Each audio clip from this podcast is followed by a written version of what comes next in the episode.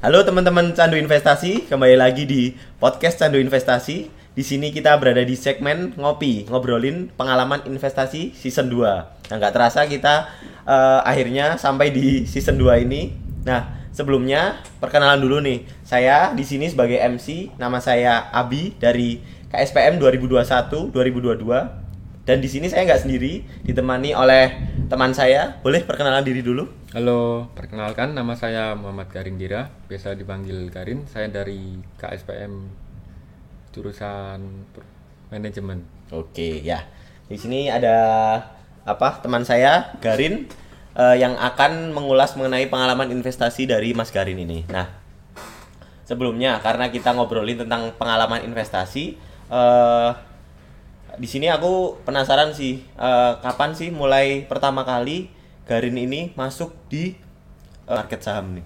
Oh ya baik, sebelumnya saya eh, disclaimer dulu ya, karena eh, mungkin perspektif orang yang satu dengan yang lainnya itu berbeda, maka ini merupakan eh, perspektif pribadi saya. Jadi ini mer- merupakan pengalaman saya. Harapan saya eh, para penonton dan pendengar bisa eh, memahami perspektif satu sama lain. Ya. Baik, jadi eh, pertama kali saya eh, memulai trading saham itu waktu saya lulus SMA tahun lalu. Oh, iya iya. Ya, itu saya eh, diajak oleh teman saya karena waktu itu saya eh, sedang mencari eh, cuan ya waktu itu. karena eh, saya itu kurang suka ya kayak eh, bekerja yang capek-capek gitu. Jadi Oh. saya eh, sepertinya menarik tawaran oleh teman saya dan sampai sekarang akhirnya malah lah kok enak Ah, Mas Garin ini kan eh, awal mulanya karena bingung ketika lulus SMA dan ketika lulus SMA kan pendaftaran kuliah itu jenjang waktu untuk masuk kuliah kan lama ya. Iya, Nah, di situ ke- panjang. kekosongan tersebut itu Mas Garin pikir untuk mau nyari pekerjaan tapi Mas Garin sendiri males untuk Iya, kerja yang kasar. sekali. Akhirnya ada teman Mas Garin SMA yang mengajak untuk saham ini ya. Iya Oh iya. Nah itu terus eh, kalau Mas Garin itu eh, mulai trading ya berarti ya itu. iya benar mulai trading. Nah, oh berarti ketika di trading saham itu kan banyak pla- platform lainnya ya. Ketika ada forex, terus kripto. Kalau Mas Garin sendiri itu eh, pas itu cuman di saham aja atau pernah nyoba-nyoba di kripto dan forex gitu kalau Mas Garin? saya sebenarnya pernah sih mencoba di kayak instrumen kripto tapi saya saya kira saya kurang cocok lebih apa ya susah karena eh, menurut saya pribadi analoginya seperti memahami satu orang itu lebih mudah daripada memaham- memahami lima orang Oh iya. begitu juga dengan memahami eh, satu market maker lebih mudah daripada memahami lima market maker begitu Berarti kan akhirnya Mas Garin memutuskan untuk uh, belajar di uh, trading di saham. Nah, itu berarti ada nggak sih uh, awal-awal itu kan mesti bingung ya. Pertama-tama tuh mau beli apa, sedangkan market di saham itu kan banyak banget pilihannya. Nah, nah itu mensiasatinya Mas Garin tuh awal-awal tuh beli saham itu apa tuh dulu tuh awalnya? Dulu karena saya nggak tahu ya, jadi yang lagi naik saya beli. Contohnya itu saya masih ingat itu Doit. Waktu itu lagi naik saya beli HK. Terus akhirnya ya nyangkut lumayan sih. karena belum tahu tapi ya sudah sudah saya buang. Oh, iya ya. Berarti dulu awalnya yang doit itu berarti mulainya tuh kayak cuman masuk terus ternyata nyangkut terus Mas Garin keep sampai uangnya itu bisa balik ke modal atau bisa untung gitu oh, ya. waktu itu malah berkurang sih.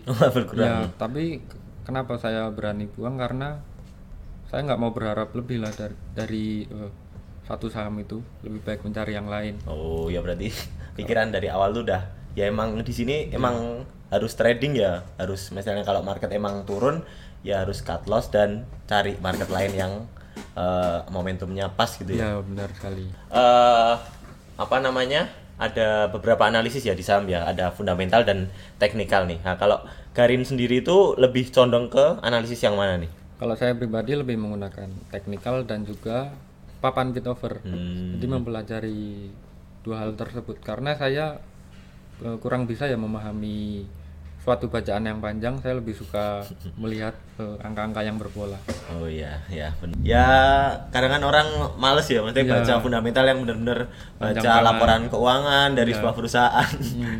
Nah kalau Karin ini mengambil jalan pintas yang emang analisis teknikal yang di mana eh, hari-harinya tuh ngeliatin chart dan Iya. hit over itu tadi ya penawaran dan penjualan. Ya. Warna instan. Mantap. nah terus kalau Garin itu ada nggak sih pilihan kayak konservatif banget nih? Aku harus main di blue chip atau apa pun sahamnya ketika momentumnya pas itu Garin masuk. Nah, kalau Garin sendiri itu gimana tuh? Oh, kalau saya eh, lebih beradaptasi kepada market ya. Kalau chartnya misalnya bagus ya saya bisa ikut ada di sana. Hmm. Tapi kalau istilahnya marketnya sedang sideways itu saya lebih ke scalping ya, lebih ke copet-copet aja, main cepet aja.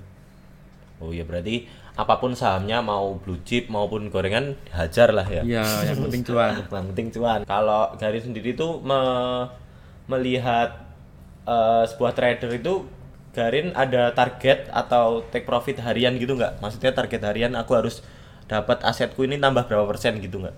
Oh enggak, saya eh, menyesuaikan aja. Eh, Dapatnya berapa ya saya ambil. Oh. Tapi kalau eh, swing biasanya saya pakai trailing stop. Nggak pernah saya patok ke berapa. Oh ya ya berarti eh, lebih ke bersyukur ya. Iya, benar sekali. bersyukur. berarti apa pun ketika ya ya namanya greedy kan kadang Iya. buat kita jatuh ya. Iya. Nah, kalau Karin sendiri udah menanamkan diri, kalau kita udah cuan ya udah cukup gitu kan ya. Yes. Kalau misalnya nih kan saham kadang ada yang apa sampai eh, ARA atau ARB kan di ketika market hari itu. Nah, Garin itu melihat saham yang ARA dan ARB. Nah, itu Garin tuh milih yang mana sih Eh, untuk saham itu mau masuk yang ketika itu ARA berarti Garin ikut FOMO dan masuk atau yang ARB Garin bisa nyerok dan berharap bakal mantul lebih banyak. Oh, kalau saya pribadi mau dua-duanya sih. kalau yang arah itu tapi lebih beresiko harus disiplin banget. Tapi oleh karena itu saya kalau arah itu nggak pernah saya inepin. Lebih baik main aman. Maupun itu closingnya bitnya dikunci, saya tetap jual main aman aja. Besok kalau naik lagi ya bisa manfaatin momentum lagi. Terus yang kedua kalau ARB itu saya lebih suka karena eh, kadang pantulannya itu lebih banter dan eh, re- relatif lebih aman Hmm. daripada saham yang sedang arah. Oh. Itu berarti kalau ARB, ARA itu berarti kalau misalnya ARB itu lebih aman itu maksudnya dari apanya itu Mas? Itu lebih amannya karena eh, karena barangnya itu nggak nginep. Jadi kalau misalnya se- tidak sesuai dengan plan ya kita harus cabut. Tapi kalau plannya sesuai terus dapat cuan ya bersyukur. Terus kalau untuk ARB itu kalau saya pribadi menerapkan harga open atau previous previous close itu sebagai support yang tidak tertulis. Hmm. Jadi biasanya di area itu adalah area-area penting kalau itu bisa istilahnya breakout itu bisa lanjut ke atas. Iya, bener sih. Oh. Ya itu mungkin eh, strategi ARA dan ARB dari Mas Garin ya. Eh, kan tadi juga udah nyinggung-nyinggung market sideways ya. Nah, kalau Mas Garin tuh ketika ada market ya, market kan pasti nggak mengalami volatilitasnya kan apa tinggi terus ya. Pasti ada kayak kejenuhan market itu sideways terus Tidak selalu naik. ya gitu-gitu aja gitu nah terus Mas Garin itu tetap eh, main di market sideways tersebut atau gimana tuh mensiasatinya tuh Kalau saya lebih ya tadi beradaptasi. Jadi Hmm. yang pertama itu kalau mau kalau saya biasanya nge-swing itu oh, saya menerapkan minor support beli di sana dan jual di minor resisten. oh iya iya Itu yang pertama. Terus yang kedua untuk eh, scalping saya biasanya melihat dari saham-saham yang ramai diperdagangkan, tapi eh, harus tahu resikonya juga harus disiplin. Mm-mm. Kayak prinsipnya scalping itu seperti eh, memancing ikan. oke gimana itu Jadi mancing ikan tuh kalau kita memancing ikan, kalau udah dapet ikan ya ditarik. oh Kalau enggak nanti ikannya ya hilang. oh Nah dalam hal ini kalau udah cuan ya kita bungkus, kalau enggak Hmm. kita ya cut loss, umpan kita hilang. Gitu. Oh iya iya iya.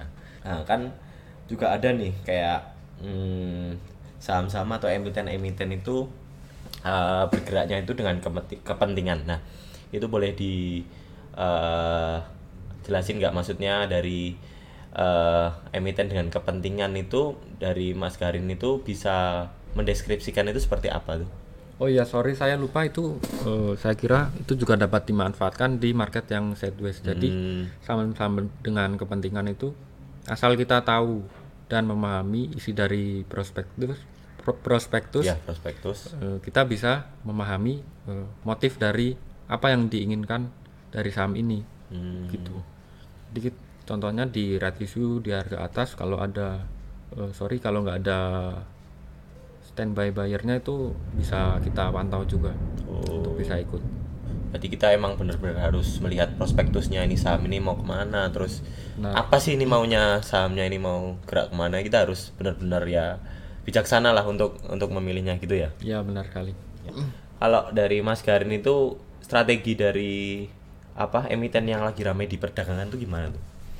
Kalau saya pribadi eh, lebih ke prinsipnya kalau memanfaatkan momen-momen seperti itu seperti buy on breakout. Jadi Hmm, dalam setiap papan bid itu kadang ada yang diganjel. Nah, ketika ada banyak yang makan itu kita bisa ikut makan dengan resiko yang eh, harus siap buang kalau ti- tidak sesuai dengan plan. Oh ya balik lagi dengan ah ya disiplin dengan strategi yang kita punya ya. Yes. Nah terus eh, kan kalau di trading kan berarti kan udah dari awal tuh kita mau masuk itu tahu kapan kita masuk dan kapan kita keluar kan udah tahu dari awal ya. Nah itu biasanya kalau Garin sendiri itu eh, men-setting take profit dan Ya. stop loss itu itu gimana tuh dengan strategi gimana tuh pakai cara apa? Kalau swing saya biasanya menerapkan pakai trailing stop. Jadi kalau eh, udah naik terus harganya turun yang sudah eh, batas yang saya tentukan itu bisa otomatis kejual. Oh, Lalu yang iya. kedua kalau untuk scalping itu ya seperti tadi analogi memancing kalau udah dapat ikan ya Oh. kita bungkus aja. Hmm. Berarti ada target misalnya kayak kayak berapa persen nih aku harus keluar atau gitu ada nggak? Oh kalau untuk itu biasanya kalau scalping itu menurut menurut saya 2% 3% itu udah besar ya. Hmm. begitu juga dengan eh, stop lossnya. Saya kalau scalping itu sekitaran segitu segitu juga 2 3 persen. Tapi kalau untuk swing saya biasanya eh, memasang agak lebar se- se- sekitar 4 sampai 5 persen. Dengan apa strategi yang take profit dan stop loss yang diterapkan oleh Mas Garin itu kan juga eh, kalau Mas Garin sendiri udah kayak misalnya kalau yang biasanya tiga persen itu udah keluar dan ketika dia menerapkan strategi swing berarti lebih dilebarin lagi ke 4 sampai 5 persen itu ya. Iya. Nah, pasti di dalam trading itu pasti kita kan mengalami kerugian-kerugian itu ya yang bisa membuat mental kita jatuh. Nah, kalau Garin sendiri tuh pernah nggak sih mengalami kerugian dan kira-kira tuh kerugiannya tuh besar apa enggak pas dulu tuh? itu lumayan sih itu yang pertama itu saya masih ingat itu saham True. Hmm, sama. ya itu jadi muncul di running trade terus saya iseng beli kan karena belum pernah nyobain di sana. Ternyata bitnya dicabut semua Hmm, langsung ARB Ya. jadi saya nggak bisa keluar selama dua tiga hari apa ya. Terus ya udah pasrah mau gimana lagi. Terus yang kedua itu baru-baru ini sih itu di INDX itu sahamnya eh, menjelang closing itu saya iseng spam lot beli dengan frekuensi yang banyak ya. tapi pada pa- saat closing itu malah ditutup dengan ARB Oh. Jadi itu strateginya Mas Garin tuh gimana tuh pas ternyata yang diharapkan tuh malah gak sesuai rencana tuh. kalau saya eh, harus terus berjalan sih Oh. karena gimana lagi kan bukan investasi kan Mm-mm. apalagi saham yang saya beli itu kadang nggak jelas fundamentalnya ya. apa yang mau diharapkan kan Oh iya ya. itu jadi saya kadang eh, memulihkan mental saya dengan kembali bermain dengan porsi yang kecil Hmm, untuk ya. mengembalikan mental tersebut Mm-mm. Di Mas Garin sendiri itu berarti penerapan strateginya ketika dia emang apa Mas Garin sendiri udah udah rugi nih. Terus ya strategi ke depannya berarti emang harus sabar, mengurangi porsi yang Mengurangi- porsi Iya. dengan eh, supaya mental kita balik lagi Ah. Nah, akhirnya kan kalau Mas Garin sendiri kan ada kesenangan sendiri nggak sih kalau pernah mendapatkan keuntungan yang bener-bener nggak nyangka lah aku bisa dapat untung tuh segini tuh loh dari trading tuh. Pernah itu nggak? lumayan sih yang pertama itu Saratoga sekitar berapa ya 50 atau 40 persen gitu. Itu yang pertama. 40 persen. ya terus yang kedua itu dari MLPL Oh. itu saya lupa kayaknya ada si Baker jadi itu saya ambil di 121-an Ya. itu lumayan banyak sih. Terus yang ketiga itu ada DMMX Ya. itu saya ambil di kisaran 400-an sampai berapa 500 atau 600-an kalau nggak salah. Itu lumayan sih menurut bagi saya Jadi keuntungannya kira-kira bisa sampai lebih dari 10% gitu ya. ya menurut menurut Yang terbesar besar. terbesar ya. Iya. Kadang kan dari keuntungan itu berarti Mas Karin tuh biasanya kalau me- eh, setelah mendapatkan keuntungan tuh ma- apa Mas Garin tuh akan rehat sejenak untuk menikmati uang itu atau tetap ayolah eh, masih masuk lagi Eh, ke kalau market. saya kadang tergantung mood ya kalau mau Oh. saya putar lagi kadang saya putar lagi saya gulung lagi Hmm. Menyesuaikan dengan market yang ada sih Oh. sama dengan eh, mood saya sendiri Nah, mungkin eh, terakhir nih Mas Garin ada pesan-pesan atau eh, ibaratnya kalau orang-orang motivator tuh kiat-kiat lah ya. kiat-kiat gimana sih Mas Garin itu eh, pesan buat teman-teman yang mau mulai nih, mulai untuk menjadi trader saham nih, gimana? kalau saya sendiri sih yang penting berani dan juga mau mencoba sama kalau eh, anda-anda semua coba tanya ke mentor-mentor atau senior pasti di- dijawabnya disiplin. Disiplin. coba aja. Pasti jawabannya itu saya yakin. mantap. tapi saya ingin menambahkan kalau dari saya adalah eh, tambahkan rasa syukur. Yang kedua ini untuk eh, mungkin ada rekan-rekan yang agresif ya mainnya itu. Menurut saya dalam satu tahun itu targetkan saja anda bisa mencari saham dengan gain 10% selama 30 kali tapi anda harus all in dan siap dengan resikonya Hmm. itu eh, bisa anda coba nanti dalam satu tahun itu kalau anda berhasil modal anda jadi 8 kali lipat dari sebelumnya Oh iya. mungkin itu sih dari saya Dari Mas Garin itu ya berarti disimpulkan berarti kalau dari apa orang-orang yang emang bener-bener udah terjun dan sukses pasti yang pertama itu disiplin pasti ya. ya ya mungkin itu dari dari Mas Garin ketika kita itu harus disiplin terus tambahkanlah rasa syukur di mana kita kurangilah. Apa greedy ketika dapat untung segitu ya emang rezeki kita segitu. Kita harus take profit. Jangan sampai kita pengen greedy malah eh chart itu balik turun dan akhirnya kita rugi dan apa mental kita tuh rusak. Dan itu tadi pesan-pesan dari Mas Garin mungkin yang kalian bisa simak dan kalian bisa eh, dengarkan teman-teman dan mungkin itu saja ya dari podcast Candu Investasi hari ini. Eh, semoga teman-teman itu bisa menikmati obrolan kita dan bisa menambah menambah apa ya insight baru dari Mas Garin. Dan semoga membuat teman-teman terbuka lagi nih dari gimana sih kita sebagai trader saham. Mungkin itu aja. Eh, salam saya dari KSPM 2021 Abi mohon pamit. Dan dan saya Garin dari KSPM 2020 salam profit rekan-rekan Ya, mantap. Salam profit. Assalamualaikum warahmatullahi wabarakatuh.